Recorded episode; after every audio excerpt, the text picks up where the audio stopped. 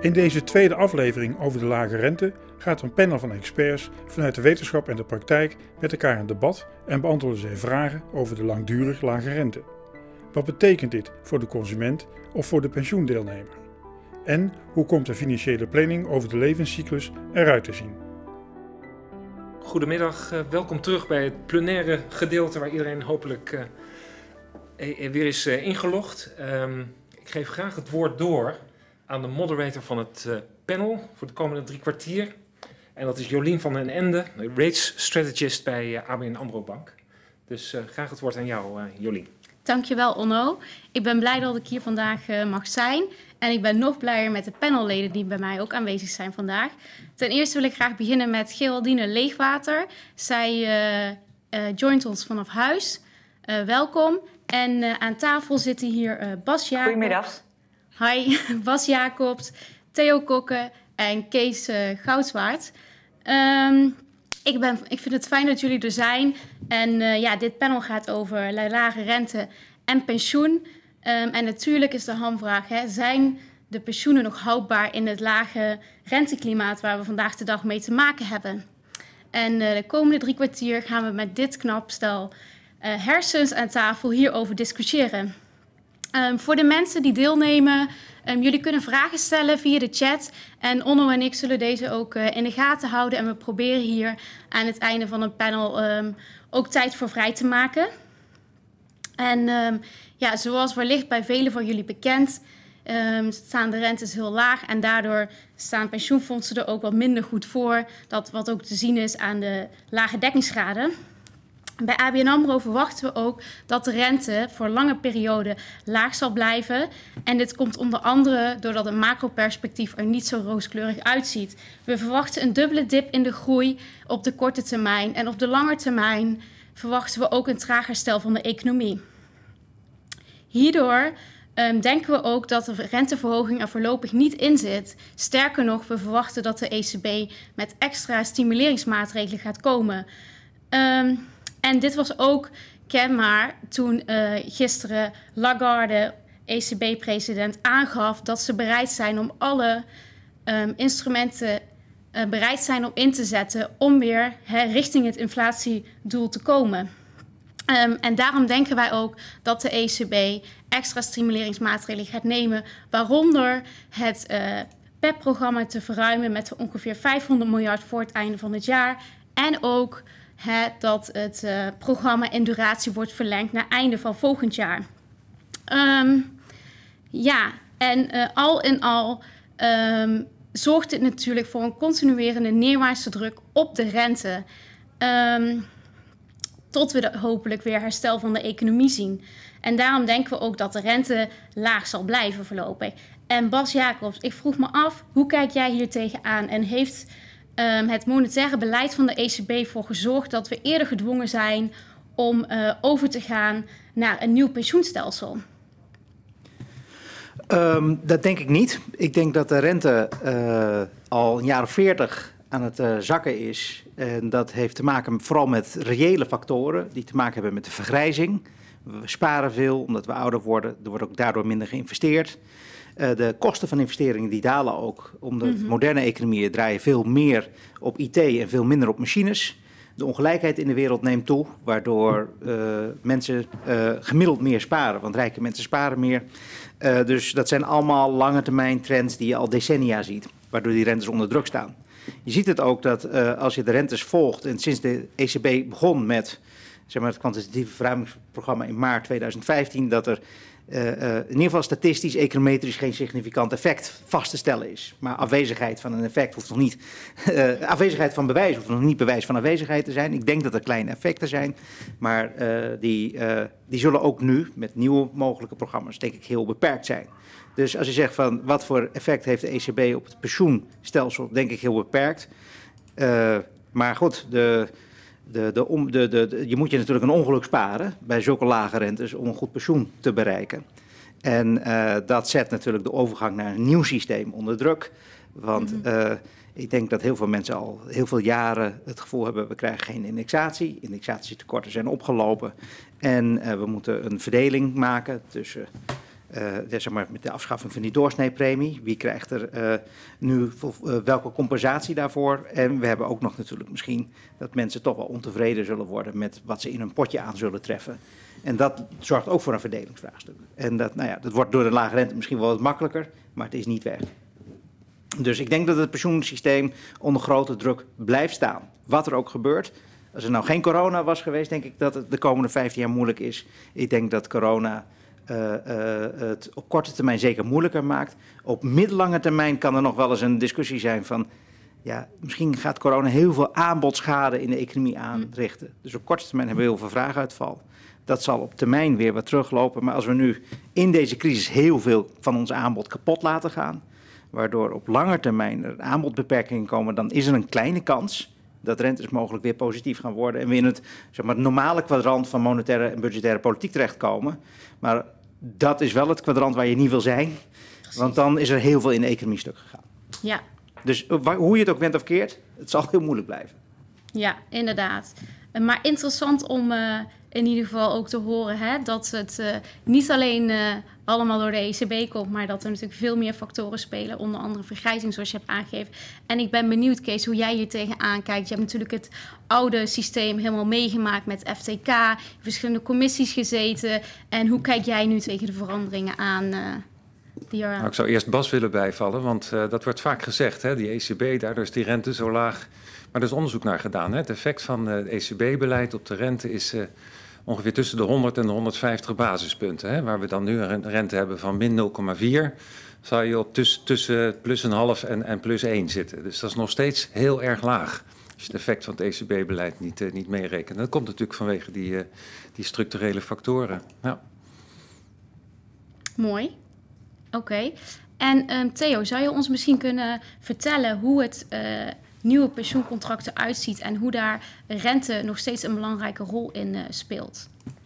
Nou, ja, hoe het nieuwe contract eruit ziet, alleen maar dan misschien op het deel waar de rente een rol speelt. Precies. Anders uh, zijn we nog wel even bezig.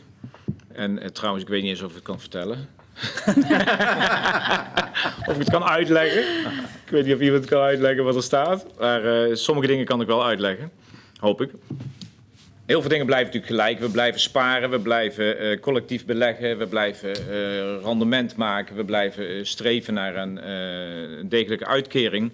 Als vroeger ook. En we blijven lang levenrisico delen in de uitkeringsfase. We blijven met elkaar in één pot. En als één jonger sterft, dan gaat de sterfte, de winst, blijft een raar woord, maar gaat naar de ouderen.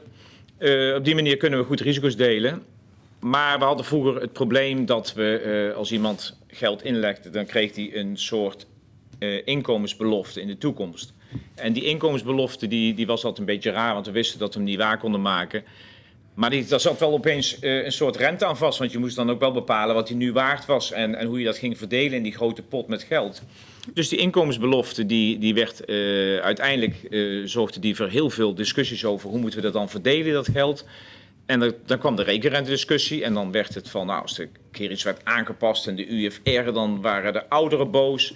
En dan ging het weer uh, de goede kant op en dan kwam er iets nieuws bij en dan waren de, uh, de jongeren weer boos. Nou, uiteindelijk was iedereen heel ontevreden. En dat is natuurlijk een heel belangrijk onderdeel van een pensioenstelsel, dat mensen in het land, het rijkste land ter wereld, als het gaat om de ouderen en om de pensioenen, dat die mensen dan wel een beetje tevreden zijn. En dat, uh, dat is er nu uitgehaald. Door te zeggen, nou, we, we, beleggen, je hebt aanspraak op het pensioenvermogen, maar dat is geen, geen potje, geen individueel potje, maar het is wel een, een persoonlijke aandeel in dat pensioenvermogen. En daarmee spaar je en uiteindelijk ga je dat uitkeren en dan komt er uit wat, wat het rendement oplevert. Dat was nu ook, alleen nu werd het iedere keer via moeilijke uh, constructies en pijnlijke discussies konden we altijd nog dingen uitstellen. En daardoor kon je uh, uiteindelijk pijn te veel doorschuiven naar jongere generaties. En uh, dat pijn doorschuiven, risico's delen we nog wel, maar niet het pijn doorschuiven tot het oneindige. Dat kan nu niet meer. Betekent dat de, dat de rente zelf, die ook in die rekenrente zit natuurlijk voor een groot deel, dat die geen rol meer speelt uh, in de verdeling. En dat betekent ook dat we met beleggen, um, als we gaan beleggen, nu kunnen we meer voor ouderen zeg maar, het renterisico beter beheersen. Vroeger werd het renterisico van ouderen werd uh, van jongeren, wat jongeren creëerden door iets in te leggen, was opeens een 50-jarige, 70-jarige duration. Dat werd allemaal doorgeschoven naar ouderen. En die, die moesten er dan weer gaan afdekken, maar dan ging je weer bij jongeren te veel inflatierisico realiseren. Uh, heel moeilijk allemaal. Hè. De, uh, de meeste mensen begrepen het niet helemaal of helemaal niet. Maar uiteindelijk was het ook echt heel lastig. Die, die, die spagaat, iedereen weet, die in het bestuur heeft gezeten, weet hoe lastig die spagaat was. Die is er nu uit. Er zijn twee dingen die positief zijn in het, in het nieuwe stelsel. Uh, de complexiteit is er nog niet helemaal uit. Uh, nog een paar andere dingen zijn er nog niet helemaal uit. Maar dat is eigenlijk wel positief.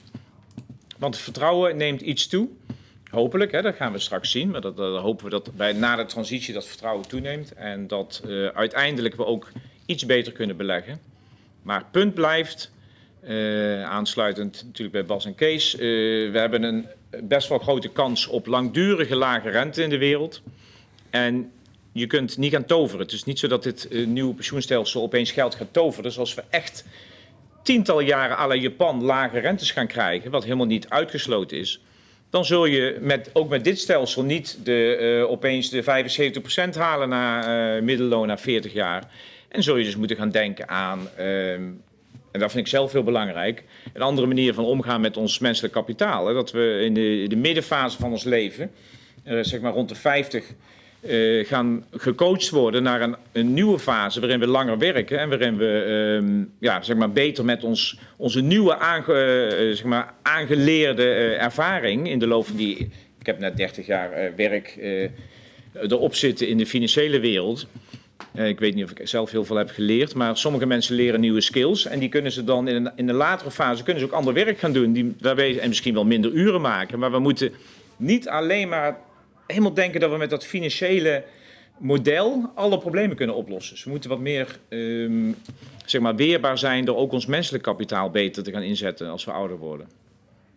Oké, heel interessant. Um, en Geraldine, ik ben benieuwd, hoe kijk jij hier tegenaan? En ook met betrekking tot jouw rol als bestuurder bij ehm, ja, nou, ik, ik denk dat uh, uh, niet alleen ik als bestuurder, maar alle bestuurders in Nederland voor een enorme opgave staan in de komende jaren. Om uh, uiteindelijk tot een nieuw pensioenstelsel te komen. Als, als ik nu kijk wat er ligt, hè, er ligt een pensioenakkoord en volgens mij zijn we vooral allemaal blij dat er nu een haakje is waar, op basis waarvan we verder kunnen gaan werken. Um, maar tegelijkertijd denk ik dat we, uh, vooral als bestuurders van pensioenfondsen, ook moeten voorkomen dat we dit zien als een uh, soort van uh, reddingsboei waar we allemaal met ons volle gewicht aan kunnen gaan hangen.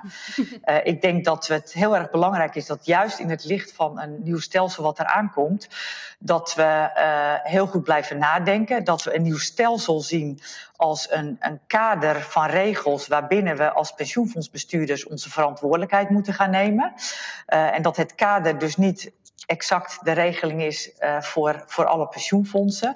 En dat betekent dat we vooral ook, denk ik, een, los van het wat er nu ligt ook een stapje terug moeten doen. Waar zijn we nu met elkaar mee bezig? En het is volgens mij ook vanmiddag al gezegd door, uh, uh, door Klaas Knot. Dat uiteindelijk we leggen premie in, we gaan rendement maken en dat moet tot een pensioen leiden. En alles gerelateerd aan de onzekerheid van de toekomst, dus de risicopremies, maar ook de lage rente, die vinden direct zijn weerslag op alle drie die componenten. Zowel de inleg, het rendement als wat er in de toekomst uitkomt. En ik denk dat het heel belangrijk is dat we als pensioenfondsbestuurders voor alle drie die componenten blijven nadenken. En ons uh, niet gaan verschuilen achter uh, ja, wat er straks door anderen allemaal wordt vastgesteld. Kortom, terug naar de essentie en nadenken. Wat zijn we met elkaar aan het doen? Oké, heel mooi. Um, en um, ik vroeg me ook af, hè, nu we dit uh, contract hebben liggen, um, hoe jij daar tegenaan kijkt, Kees. Met name van, hè, uh, we hebben natuurlijk al, uh, het is al uitvoerig besproken, de lage rente. maar betekent dit al wel dat, het, dat de pensioenen houdbaar zijn in het nieuwe stelsel? Omdat natuurlijk die dekkingsgraden min of meer van de baan worden gedaan in het nieuwe contract. Um, ja. Ja, dat is, dat is inderdaad wel de ultieme vraag, Jolien, die je stelt. Ehm, Ja, stel je voor, we hebben tien jaar keihard gewerkt en heel veel gepraat over het nieuw stelsel. En wij stellen nu met elkaar vast dat het niet toekomstbestendig is. Dat zou toch wel heel, uh, dat zou toch wel heel sneu zijn. Uh, uh, ik zou in ieder geval willen zeggen, het, het, het nieuwe contract, hè, wat, wat nu is uitgewerkt, dat is, dat is wel minder rentegevoelig dan het huidige FTK-contract. Omdat we niet meer met de dekkingsgaten, niet meer met de rekenrente gaan, gaan werken. Theo zei er ook, ook iets over. Mm -hmm. dat is overigens een zegen. Maar het leidt natuurlijk geen twijfel dat, uh, dat iedere, ieder pensioen op basis van kapitaaldekking last heeft van een structureel lage rente. Dat is onvermijdelijk. En uh, een vraag die dan ook vaak gesteld wordt is, moeten we dan naar meer omslagfinanciering? Nou, daar is uh, dus vanmiddag ook al aan de orde geweest. Er is een paar weken terug een studie over verschenen van Netspar en CPB. Ja, die zijn er eigenlijk heel genuanceerd over, de auteurs. Vaak wordt gezegd, uh, de rente is lager dan de groei en dan is omslag voordeliger, zeg maar. Hè? Nou, dat, dat ligt wat ingewikkelder. Je moet dan niet kijken naar de rente, maar je moet kijken naar het rendement. Maar er zit een risicocomponent in, dus dan moet je ook naar de groei, inclusief het risicocomponent kijken. En dan is die vergelijking misschien wat lastiger te maken. Bovendien zeggen de auteurs, en ik denk terecht, dat er heel veel andere factoren uh, van belang zijn voor de weging tussen omslag en, en, kapitaaldekking. Je moet dan kijken naar de verdeling over generaties. Je moet kijken naar uh, demografisch risico, naar politiek risico. Je moet kijken naar het belang van kapitaaldekking voor uh, de verstrekking van risicodragend vermogen. Er zijn heel veel factoren die een rol spelen. Dus de, ja, de auteurs van die studie concluderen, en ik ben het daarmee eens, dat het, dat het nog heel moeilijk te zeggen is of we nu zouden moeten overschakelen naar, uh, naar, meer, uh, naar meer omslagfinanciering. Nou, wat dan? Want we hebben dat probleem van die lage rente. Ja, dan hoor je ook vaak, uh, nou, dan doen we gewoon de premie omhoog. En, collega's van ons hebben daar onlangs ook, ook weer voor gepleit. Ja, ik, ik ben daar wat sceptisch over, moet ik eerlijk zeggen. Uh, we weten dat, uh, dat het premie-instrument, dat weten we al langere tijd, dat dat echt niet meer zo effectief is. Hm. de jaarlijkse premiesom is 35 miljard en het pensioenvermogen is 1600 miljard, dus dan, dan zie je dat al. En, en bovendien, uh, de premies zijn natuurlijk al heel erg hoog. Hè? In, het, in het nieuwe contract is dat nou vastgesteld, de maximumpremie op 33 procent. Dat is heel veel. En ik denk dat werkgevers, hm. uh, maar heel weinig werkgevers te vinden zijn die bereid zijn om nog meer premie uh, uh, te betalen, althans twee derde daarvan gemiddeld, uh, gemiddeld genomen. Maar werknemers zullen ook niet bereid zijn als dat beschikbaar inkomen nog verder onder druk komt te staan. Ehm, bovendien, bovendien wanneer is de rente laag? Ja, als het niet zo goed gaat met de economie en als je op dat moment dan de premies verhoogt, dan ben je procyclisch natuurlijk bezig. Hè? Dan ja. versterk je de conjunctuur. Ja. En dat hebben we in het verleden ook vaak gezien. En dat is echt, echt vervelend geweest voor de Nederlandse economie. Nou ja, stel dan dat je die premies niet, uh, niet kunt of niet wilt verhogen. Ja, dan is het onvermijdelijk, en, en, en Theo zei dat in feite ook al, dan is het onvermijdelijk dat, uh, dat de ambitie wat, wat omlaag gaat. Het is natuurlijk heel vervelend, maar aan de andere kant bedenk wel hè, dat, dat vervangingsratio's van de Nederlandse pensioenen nog, nog steeds tot de allerhoogste in de wereld behoren. Dat blijkt uit vergelijkend onderzoek van de, van de OESO. Blijkt uit onderzoek van Marieke Knoef en anderen. Waar ik ook een beetje mee mocht eh, doen met, met de anderen, zou ik maar zeggen. Uh, dus dat is, we hebben nog steeds echt heel goede pensioenen in, in Nederland. Het is natuurlijk vervelend als die ambitie naar beneden gaat. Maar we komen wel van iets hoogs af. En je kunt, en daar val ik Theo bij, je kunt natuurlijk ook uh, uh, daarop reageren. He, je kunt meer investeren in menselijk kapitaal. Ja. En je kunt, uh, mensen kunnen meer gaan aflossen op, op een hypotheek. He, dat draagt ook weer bij aan een financiële positie tijdens pensionering. Je kunt op allerlei manieren er wel op reageren op die situatie. Ja. Dus, dus het is heel lastig, die lage rente. Maar om nou te zeggen, het stelsel is niet meer toekomstbestendig, zou, dat zou ik niet willen zeggen. Oké, helder.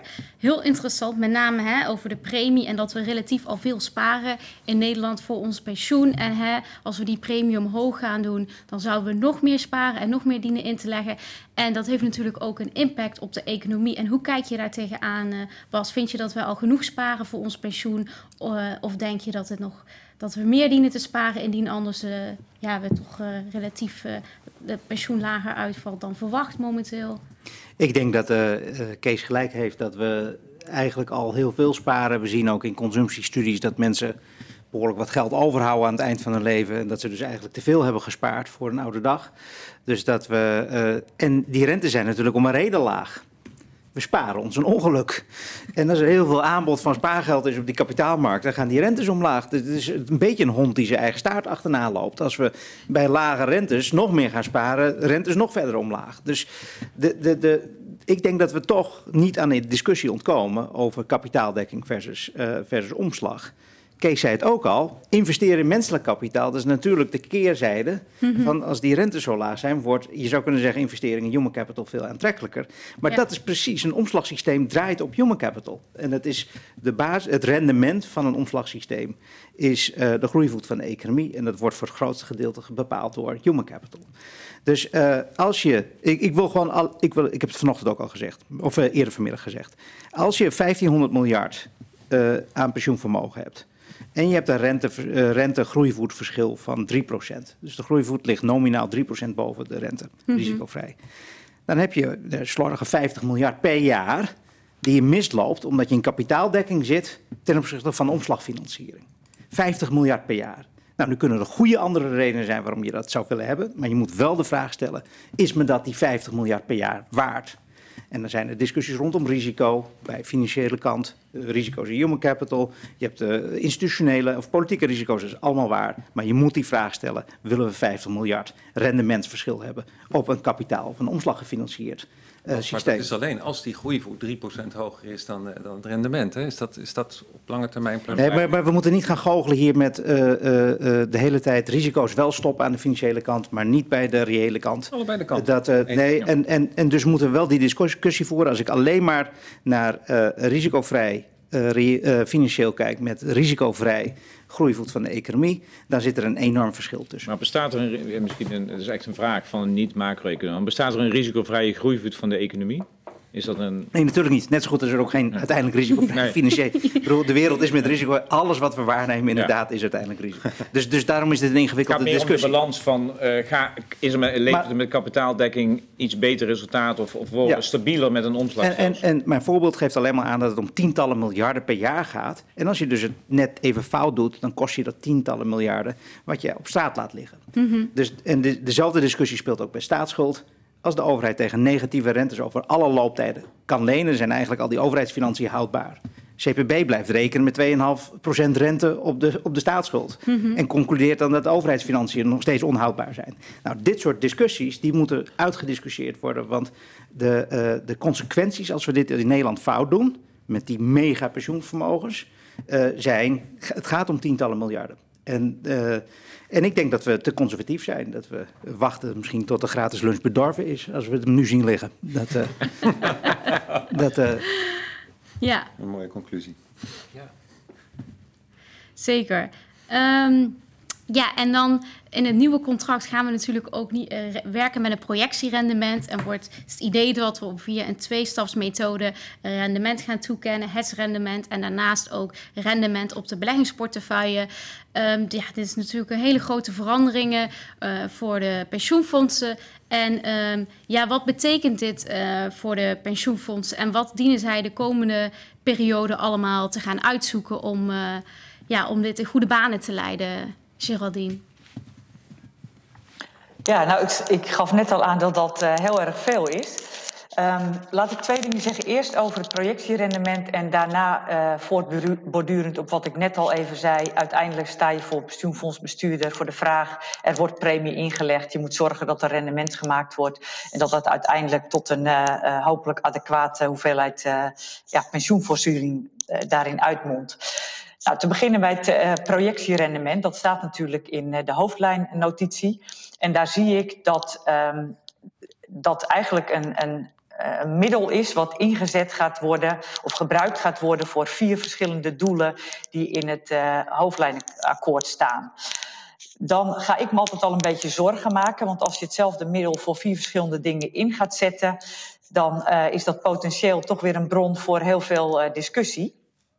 Uh, nou is het zo dat als ik naar die vier doelen kijk, hè, eh, communicatie van, uh, van verwachtingen, uh, ma maximale fiscale premie vaststellen, voor het bepalen van de hoogte van de pensioenuitkering en ook om de, de balans te vinden tussen de doelstelling premie en pensioen, dan zie ik in ieder geval een lichte neiging naar dat het voordelig kan zijn om hoge projectierendementen vast te stellen. Um, ik zie hier dus uh, enerzijds um, meerdere doelen die met hetzelfde middel gediend moeten worden. En ik zie in de doelstellingen zelf um, nou ja, een tendens dat pensioenfondsen daar uh, op een bepaalde manier mee om zouden kunnen willen gaan, die op de lange termijn uiteindelijk uh, niet goed is. En dan raakt het meteen aan het vraagstuk lage rente en, uh, en natuurlijk ook rendementen. Uiteindelijk zijn we natuurlijk niet gebaat bij het te hoog vaststellen van projectierendementen, want dat is een voorbode voor teleurstellingen voor, voor de toekomst. Nou, dat brengt mij dan bij het beleggen zelf. Ik schetste het net al even. Um, ik zou heel graag zien als pensioenfondsbestuurder dat wij uh, de ruimte krijgen om binnen een kader wat vastgesteld wordt. Er wordt volgens mij niet één contract vastgesteld, maar er komt een wettelijk kader waarbinnen we onze verantwoordelijkheid moeten gaan nemen. Dat wij teruggaan naar de essentie en dat wij dus zelf gaan nadenken. Enerzijds over wat is dan uh, een adequate pensioenvoorziening. Natuurlijk zijn het de sociale partners die daar nadrukkelijk bij helpen. Maar ik denk dat uh, hier ook gewoon traditionele beleggingstheorieën, waarbij je moet kijken naar uh, wat is nou de nutsfunctie van van mijn deelnemers, wat wordt dan het, de nutsfunctie van het collectief waar we voor staan? Uh, wat zijn uh, risicomaatstaven die voor het individu belangrijk zijn en hoe vertaal ik dat naar het collectief?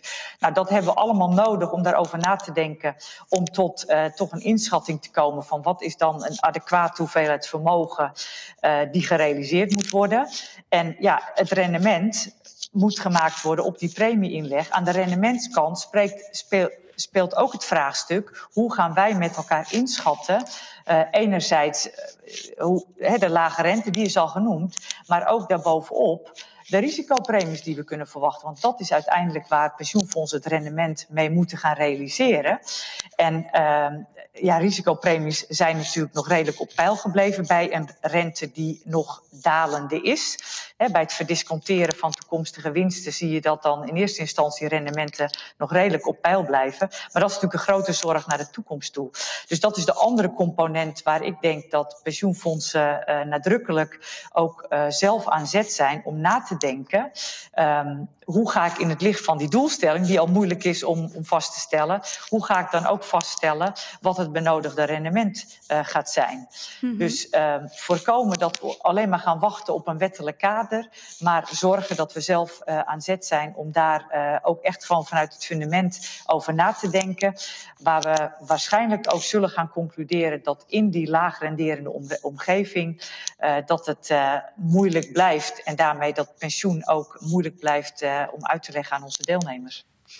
Ja, dus eigenlijk uh, ja, blijft het lastig om toch het rendement te behalen. En dan vraag ik me eigenlijk ook af, want in het nieuwe uh, ja, contract zie je dus dat er collectieve risicodeling plaatsvindt. En denk je dan ook dat er, um, om toch het projectierendement te kunnen behalen, uh, wat nodig is om de doelstelling te behalen, er mogelijk meer risico gaat genomen worden door pensioenfondsen? Ik, ik denk wat heel belangrijk gaat zijn, ook daar, dat we uh, toch even loslaten waar we vandaan komen. Ik denk dat een grote valkuil kan zijn, is, is dat we ons laten framen op uh, risicopercepties die we nu hebben in een kader waarin we nu opereren. Vandaar ook dat ik benadruk van probeer eventjes een stapje terug te zetten en vooruit te denken van waar, waar zijn we nu uh, mee bezig. Hè? Vandaar dat ik ook benoemde uh, wat is het nut waar onze deelnemer naar op zoek is. Wat, wat is het risicoprofiel met alle kanttekeningen die we natuurlijk kennen hè, over het vaststellen daarvan. Maar dat is wel noodzakelijk om terug te halen. Uh, wie wil wat voor risico lopen.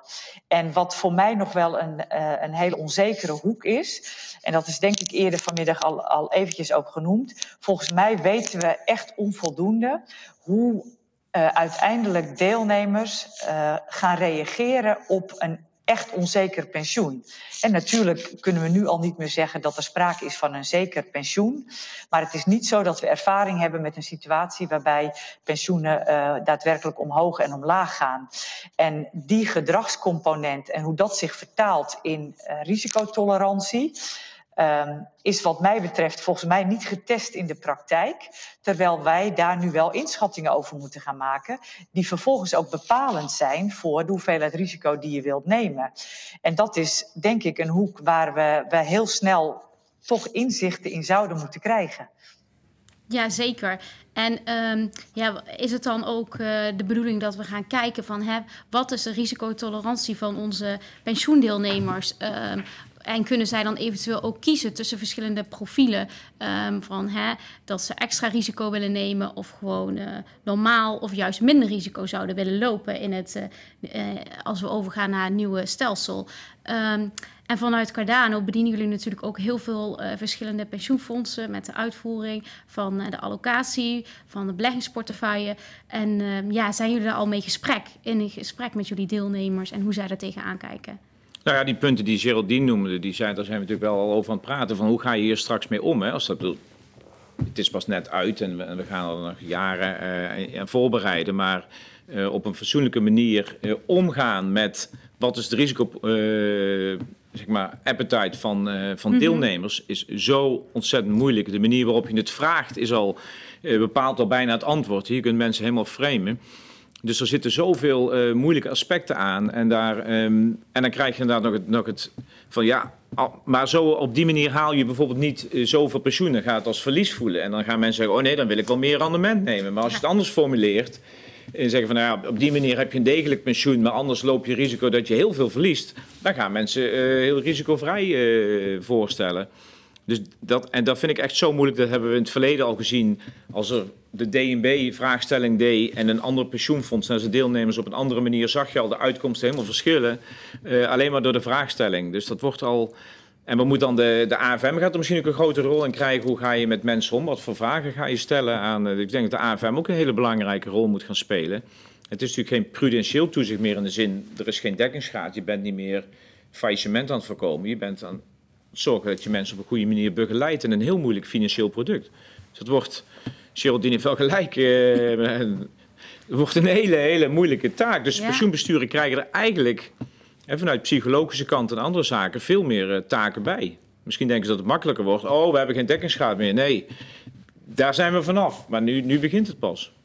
Ja, precies. Dus uh, eigenlijk betekent dat we nu pas echt gaan nadenken over hè, hoe gaan we dit in de praktijk uh, uh, vormgeven. Ja, een zware klus hoor voor de pensioenfondsbestuur. Want ze moeten kijken inderdaad naar de risicotolerantie, maar vervolgens ook naar de vraag, althans in het nieuwe solidaire contract, hè, hoe je die risico's gaat uh, toebedelen aan de verschillende leeftijdsgroepen. Precies. En dat is nogal bepalend voor het, uh, voor het resultaat. Dus dat is, ja, dat is pittig. en de transitie is natuurlijk heel pittig, maar misschien mag ik even een positief nootje plaatsen daarover hè, en alle somberheid. Want die lage rente maakt de transitie, althans het, afschaffen van, het afstappen van de doorsneesystematiek, ja. ietsje makkelijker. He, dus dat is dan wel prettig. He. De oude 100 miljard van het CPB als, als overgangsproblematiek, die is echt, echt van de baan. Dat was altijd een foutje. Hè. Dan hebben ze later gezegd, dat was ook 60 miljard. Het was 55. En, en dat ja. zei ik, ja, maar die 100 miljard blijft hangen. En toen zei ze, nee, die blijft niet hangen. En dan komt het weer op tafel. Ja. Ja. Het is inderdaad maar enkele tientallen miljarden nu. Maar het groot probleem zit natuurlijk met een paar honderd miljard tekort ja, ja. moet gaan verdelen. daar zit het probleem. En niet, niet zozeer meer in het, uh, in het afstappen van doorsnee, inderdaad. Maar transitie wordt natuurlijk een, een, een, heel moeilijk punt. Uh, afhankelijk van waar je precies staat. En uh, ook wat voor boodschappen er nu vanuit de politiek mm -hmm. worden gebracht. Van, oh, we hoeven een nieuwe pensioenstelsel niet meer te korten. Nee, want er is geen dekkingsgraad. Dus hoeven we nu ook niet te korten. Dan denk ik, dat, dat is toch iets heel anders. Want dit is iets, een, een erfenis uit het verleden. Dan kun je niet zeggen dat die in de toekomst ook geldt. Dus er, zit ook een gevaar, er zit ook een gevaar in. Hè? Dat, dat als mensen nu denken van uh, als, straks, uh, als we straks een nieuwe stelsel hebben, dan worden de pensioenen beter. dat, is, dat, dat is, ja, dat is echt een groot gevaar. Want we hebben te maken, lange tijd te maken gehad met, het, met de verwachtingskloof. En dat heeft geleid tot afname van het vertrouwen. En we moeten ontzettend oppassen dat we die, daar niet weer in terechtkomen. Ja. ja. En als er nu gekort wordt, is dan niet het risico dat men dat associeert met dat nieuwe contract? Ze zeggen van oké, die korting dat is het gevolg van de introductie van een nieuw pensioencontract. Nou, dat, zijn natuurlijk, dat moet gemanaged worden door de politiek, maar dat valt niet mee. Want de politiek die vindt natuurlijk, uh, er zitten partijen die zijn, uh, ja, we hebben oudere partijen, we hebben nog geen echte jongere partijen. Nee. Jesse Klaver valt een beetje tegen wat dat betreft, uh, om daarvoor op te komen. Maar um, ja, de, dat gaan mensen natuurlijk zo voelen van dat, dat komt door die overgang. Dus moet dat voorkomen worden en dus gaat die transitie misschien mislukken. Het is natuurlijk wel raar dat je het nu al jaren ziet dat het nieuwe, nieuwe systeem eraan komt. En eerst ging het economisch hartstikke goed. Het is niet uit te leggen aan de mensen dat we nu gaan korten. Vervolgens worden er allerlei regeltjes opgerekt. Hoeft er niet gekort te worden. Nu met corona gaat de economie weer naar beneden. Het is niet uit te leggen dat nu mensen gekort gaan worden. Ja, zo wordt er iedere keer natuurlijk weer een nieuw argument verzonnen om aan die ongedekte rekening in het bestaande systeem uh, te ontkomen. En dit is volgens mij ook de hypotheek die op die, ja. uh, die op die pensioendiscussie al tien jaar ligt. Er zit gewoon in het systeem een ongedekte rekening die direct naar boven komt als je overschakelt. En uh, dat is onvermijdelijk. Maar gaan we het wel redden? Gaat nou, ik denk dat we over vijf jaar hier nog steeds zitten. Dat er nog oh. steeds allemaal, allemaal, nee, we toch niet allemaal obstakels op de weg zetten. En dat het heel, ik, die pensioenfondsbesturen moeten dit nu gaan doen. En ik denk dat er nog heel veel gedoe zal komen met het zeg maar, invaren van het nieuwe pensioencontract. Ja, ja en, dan, en dan is ook nog de vraag, als ik nog mag toevoegen, welk contract? Hè? We hadden hier een paar weken geleden ook een, uh, ja. een netsparsessie. En toen uh, met, met pensioenfondsbestuurders. Er werd de vraag voorgelegd: uh, welk, welk contract verwacht u dat u naartoe gaat? Het, het nieuwe solidaire contract of de verbeterde premieregeling? Mm -hmm. Of de WVP Plus? Ja. ja. En dat was 50-50. Nou. Verbaast me hm. niks. Dus dat is bepaald geen uitgemaakte zaak waar we naartoe gaan. En dan krijg je die verbeterde premieregeling en dan blijft het oude contract parallel doorlopen. Hè? Dat zie je nu al bij de eerste partijen die dat roepen. We gaan naar de verbeterde premieregeling en het oude contract gaan we uitfaseren. Dan krijg je Engeland als, als er daarna twee goede contracten naast is het niet. Het is geen ramp, maar het zou uh, ideaal zijn natuurlijk als ze wel konden integreren. Maar ik zie het juist door die discussie die al zo lang loopt en die erfenis, zie ik het wel heel uh, met hard hoofd tegemoet dat het zomaar die transitie gaat slagen. Ja, het natuurlijk, wordt natuurlijk een hele uitdaging om, uh, voor pensioenfondsen om dit te gaan verdelen over individuele pensioenpotjes. En daarnaast hebben we natuurlijk ook nog te maken met het solidariteitsbuffer in het nieuwe contract. Ehm, die natuurlijk op een of andere manier gevuld uh, dient te worden. Uh, wat natuurlijk al lastig is met het tekort. Dus uh, ja, ik ben ook heel erg benieuwd ehm, ja, hoe jullie denken dat, dat die buffer wordt eh, aangevuld. nou, voorlopig staan we in de min. ja, met, ja, inderdaad. En, en, en ik denk ook dat ja, we moeten eerst maar zien dat we corona uitkomen en dat die economie weer wat gaat groeien. En ik denk dat je pas dan je kan de vraag kan stellen, ja, hoe kunnen we dat überhaupt uh, aanvullen? Want ik denk dat voorlopig kortingen of althans niet stijgende pensioenen de, aan de orde van de dag zullen zijn. En dat, uh, en dat zolang dat zo is, dat er uh, maar bitter weinig appetijt is om extra geld opzij te zetten voor een buffer. Het idee is, hè, de, basisvariant van het Centraal Planbureau, hè, wat, wat onder de mm -hmm. uitwerkingsstukken ligt, ja. Uh, wordt, uh, wordt die buffer gevuld uit, uh, uit premie, dus niet uit rendement, maar uit premie, en wordt jaarlijks 1 vijftiende uitgedeeld. Maar als je dan de doorrekening ziet, dan voegt dat echt, premie, echt niks. moet je 100 jaar wachten voor dat. Dan, dan voegt dat echt, echt heel erg weinig toe. Dus daar moet ook enorm over nagedacht worden hoe je dat vult, die, die solidariteitsreserve, en hoe je hem aanwendt om daar echt meerwaarde aan te ontlenen. Nog los van de vraag hoe, uh, hoe krijgen we het voor elkaar om überhaupt een buffer te krijgen. Uh, maar dat is natuurlijk ongelooflijk belangrijk. En daar moeten die besturen ook weer uh, keuzes in maken. En dat lijkt me ook extra lastig. Want stel je voor, ik begreep dat ongeveer maximum 10% van de premie mag gebruikt worden voor het solidariteitsfonds te te funden. Of als je overrendement hebt, dus een hoger rendement ten opzichte van het projectierendement, dat je dat eventueel deels kan gebruiken voor de uh, solidariteitsbuffer te funden. Maar goed, ja, um, je hebt al uh, te maken met een lage rente, waardoor je al denkt, oh, moeten we premie gaan verhogen of moeten we naar een ander stelsel? Dan wordt het wel extra lastig natuurlijk. Ja. Um, nee, het ja, lastig op zichzelf. is het een sympathiek idee hoor, vind ik hoor, die solidariteitsreserve. Je kunt de generationele ja. risicodeling ermee realiseren. Je kunt uh, bepaalde risico's, zeg maar, kun je beter delen. Maar uh, het is nog een hele kluif om daar iets goeds van te maken. Ik zou hem ook liever vrij klein houden, maar oké, okay, hij is ook niet extreem groot. Mm -hmm. Maar voor, echt voor het macro lang leven risico bijvoorbeeld. Hè? Als, als mensen opeens langer leven, dat je oudere mensen niet confronteert met een korting. Ja. En dat zijn echt dingen die, die je als risicodeling zou willen. En er zijn jongeren ook toe bereid om dat uh, weg te geven. Ja. En dat soort dingen zou je erin moeten stoppen. En dan, maar dan moet de bestuur ook allemaal gaan ja. formuleren hè, wat ze ja. ermee doen. Dus dat is op zich interessant. Kun je ook aan de verbeterde premieregeling toevoegen. Hè? Dat, uh, dat is die WPP+. Ja. Plus. Zo, zo, dat is maximaal 15 procent. Het kan ook nul zijn. Die uh, ja, reserve. Dus, uh, Precies. Dus besturen hebben heel veel ruimte om het in te gaan vullen. Ja. Ja. ja. Dat voegt ook complexiteit toe. Ja, zeker. Nou, het is een heel mooi uh, complex pro wat we kunnen gaan oplossen de komende periode. Um, zijn er nog vragen onno uh, binnengekomen? Nou, er waren technische problemen, dus die vragen die... Uh... Oh. Ik zit even op de kijkersvragen. ja, de kijkersvragen. Ik zat allemaal naar Dus dat is niet goed gegaan. Oh, wat jammer. Dus dat is jammer. Maar we hebben ook niet zoveel tijd meer. Integendeel, we hebben helemaal geen tijd meer eigenlijk. Dus, uh...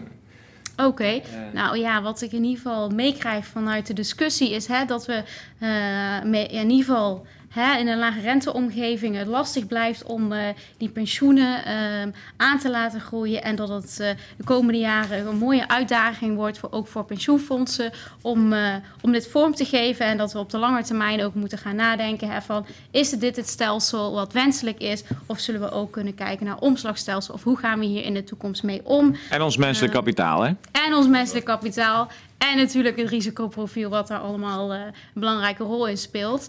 Um, ja, dus dat was uh, heel erg interessant allemaal. En uh, heel erg bedankt voor, uh, ja, voor jullie deelname. En ook voor de kijkers thuis. Heel erg bedankt.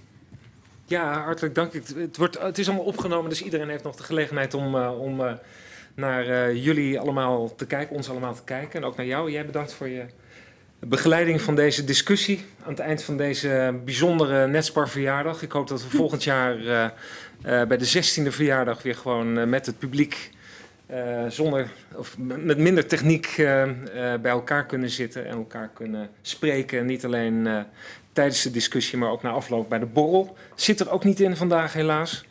Dus uh, we moeten het hierbij laten. Dus ook namens uh, mij, namens Netspar. Weinig solidariteitsbuffer hier.